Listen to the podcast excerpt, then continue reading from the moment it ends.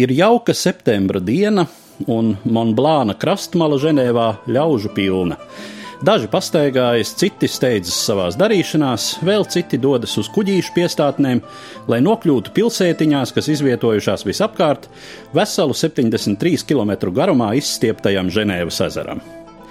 Pie pēdējiem piedara arī dāma, kurā daudzi atpazīst Austro-Ungārijas imperatora Franča Jozefa ekstravaganto dzīvesbiedri Elizabeti.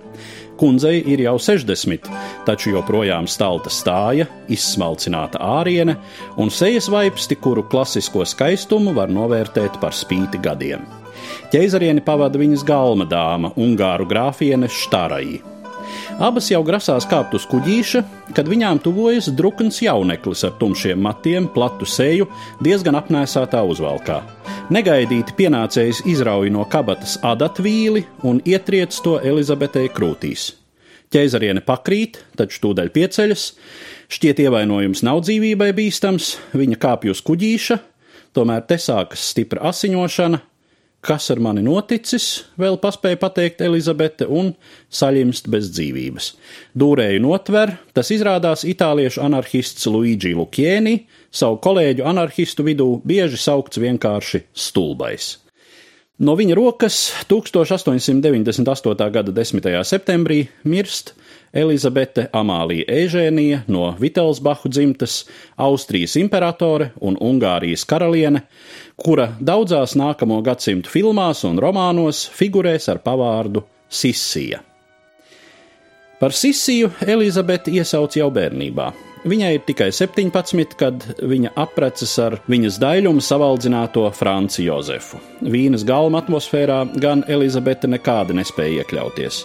Bavārijā viņa audzināta diezgan brīvā garā, viņai patīk izjādes, patīk zirgi un suņi, patīk justies brīvi, bet nemaz nepatīk ievērot galma strikto etiķeti un nodoties te izplatītākajam sportam, proti tankošanai.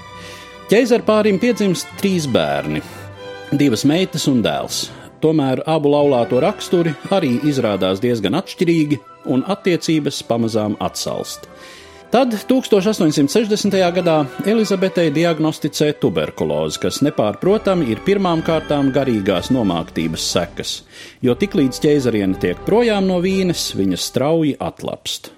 Un te nu sākas Elizabetes dzīves otrais posms, kas paiet nebeidzamos ceļojumos pa Dienvidu Eiropu, Viņa dzīvo Madeirā, Korfu salā, dzimtajā Bavārijā, Franču rivierā.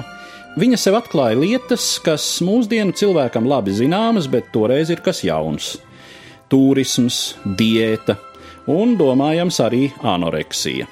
Lieki piebilst, ka ekstravagantā ceļotāja kļūst par attiecīgas ievirzes preses izdevumu pastāvīgu varoni.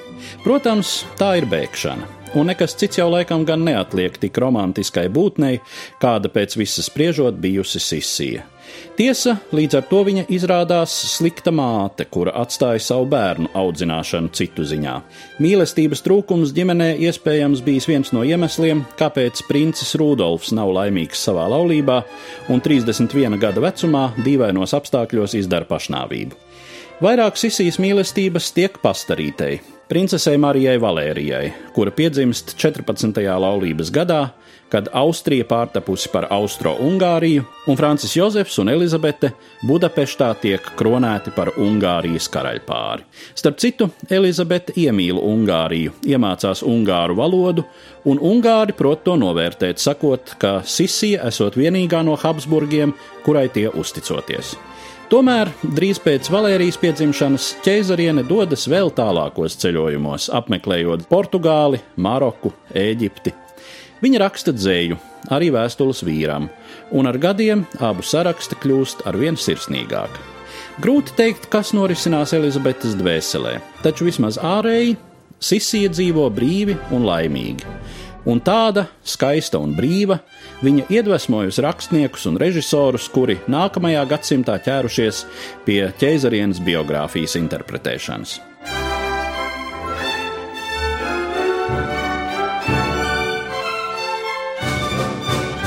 Stāstījumu sagatavoja Eduards Liniņš.